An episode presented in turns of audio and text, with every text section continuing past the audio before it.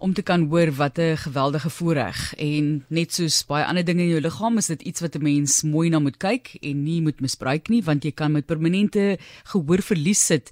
Geraasgeïnduseerde gehoorverlies is ons volgende onderwerp en die fokus is op kinders, maar ek moet sê soos ek nou gesels met ons gas, nog 'n Hendriet vandag, Hendriet Moelman, sy is 'n spraakterapeut en audioloog gebaseer in Witbank en 'n verteenwoordiger van die Suid-Afrikaanse Spraak, Taal en Gehoor Assosiasie, SASLHA, soos hulle bekend staan, vereniging. En en dit dit is nie net kinders nie. Ons weet uh, groot mense kan aan dieselfde ding ly as jy nie mooi kyk nie of gehoor nie. Dis heeltemal korrek, Martelies. Ehm um, geraasdoofheid is besig om al hoe meer toe te neem veral onder kinders wat nogal vir ons kommerwekkend is. So ek weet natuurlik as jy kyk na kinders praat mense ook hier van langtermyn blootstelling, maar gee net vir ons 'n idee van wat is daardie geraasdoofheid en hoe gebeur dit? Geraasdoofheid gebeur wanneer 'n kind blootgestel word aan 'n skadelike klank en dit dan die haarselletjies in die cochlea beskadig. So daar is verskeie faktore wat 'n rol speel om te besluit of 'n klank skadelik is. Eerstens die intensiteit van die klank of die volume, dan die frekwensie of die toonhoogte, dan die tipe klank, byvoorbeeld ons onderskei tussen 'n pulserende klank of 'n aanhoudende klank en dan ook die duur wat die klank aanhou wat in wanneer kan blootgestel word. Is dit altyd permanent?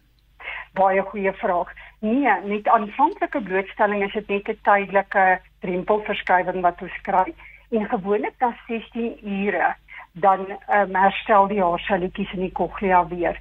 Maar wanneer 'n kind of 'n volwassene nou um, permanent en vir lang tye blootgestel word, dan gaan ons baie beslis permanente skade kry waar die haarselletjie in die cochlea heeltemal afbreek. En wat ons dan ook kry onder die permanente geraasdoofheid is die akoestiese trauma en dit gebeur selfs na een baie harde blootstelling byvoorbeeld 'n bomontploffing so um, dis nie te sê dat net 'n een eenmalige blootstelling net 'n tydelike um, verlies gaan veroorsaak nie.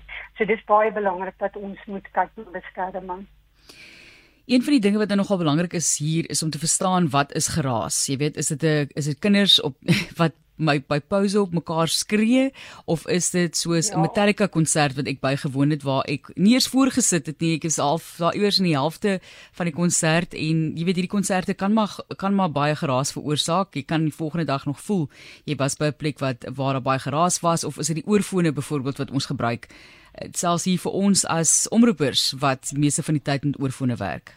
Dis 'n baie goeie vraag ook. Ehm um, so met geraas word gesien soos ek gesê het daai faktore van die intensiteit en die frekwensie en die die tipe klank. Maar wat ons nou veral sien by kinders is dat hulle skade kry as gevolg van die oorfone wat hulle gebruik. En daar's twee tipe oorfone. Mens kry die oorfoon wat soos mowwe lyk en dan kry mens ook die oorfoon wat met ander woorde in die oortjie pas die klein proppie. En ehm um, daar's heelwat studies gedoen. Daar's byvoorbeeld die wêreldgesondheidsorganisasie noem een spesifieke studie wat gedoen is onder tieners en dan jong volwassenes. En die deelnemers aan hierdie studie 9 tot 13% van hulle het reeds permanente skade gehad as gevolg van die oorfone te gebruik. So ek wil regtig ouers daarop attent maak dat hulle ehm um, bewus word dat oorfone kan skade veroorsaak en dan wat jy ook genoem het ons vergeet dat ander uh, geraasbronne ook skade kan berokken byvoorbeeld by jou baie jong kindertjies hierdie geraasmakers en speelgoed. Ehm um, van daai geraasvlakke is al reeds gemeet en dit is gemeet tot hier by 105 tot 120 desibel wat verskriklik hard is as jy agneem dat 85 desibel word as ons afsnypunt gesien geraas met ander bokant hierdie vlak is beslis skadelik. Ek sê altyd vir ouers, hulle kan sommer 'n uh, app aflaai op hulle foon wat bekend staan as 'n sound meter waarmee hulle dan die geraasvlakke kan meet. Byvoorbeeld ook selfs by wat jy genoem het die sportbyeenkomste, musiekkonserte. So dit is uiters belangrik dat daar beskerming gedra moet word wanneer mense nou blootstelling kry by hierdie tipe ehm um, situasies. Kom ons gesels net oor die effekte van geraasdoofheid, die nadelige invloed daarvan en wat kinders doof kan kinders doof word dan van net geraas blootstelling? Praat ons hier van totale doofheid? Dis ook 'n baie goeie vraag. Nee, dit is gewoonlik nie 'n totale doofheid nie. Dit begin aanvanklik net by die hoë frekwensies en dan sprei dit met meer blootstelling na die mid en lae frekwensies. So 'n kind sal nooit heeltemal doof word nie, maar wat baie interessant is, studies het wel bevind dat wanneer 'n persoon reeds geraasskade het, is hy meer vatbaar vir verdere skade. Um en dan die tekens wat ons by kinders spesifiek gaan kry, is dat so 'n kind gaan sukkel om spraak en agtergrondgeraas te volg. En hierdie is vir my 'n baie problematiese situasie veral in klasverband want ons in ons skole word die klasse al hoe groter.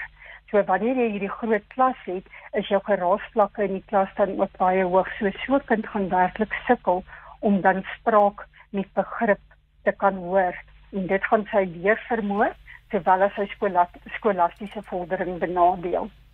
Ehm um, soos ek reeds genoem het, is dit gewoonlik meer die hoë frekwensies wat aanvanklik ehm um, beskadig gaan word. So 'n kind gaan ook sukkel om vroue stemme te hoor of byvoorbeeld voeltjies.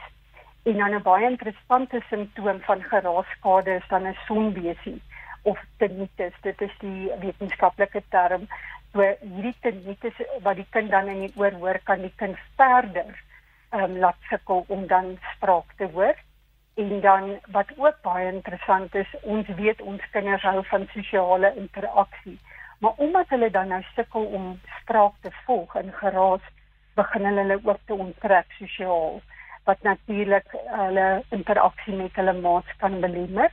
En dan 'n baie laaste punt wat ek net wil noem wat baie interessant ook is, dat harde musiek en geraas as 'n kind aan dit blootgestel word, kan dit by hierdie kind ook emosionele probleme veroorsaak, veral aggressie. Net dink min van ons is bewus daarvan.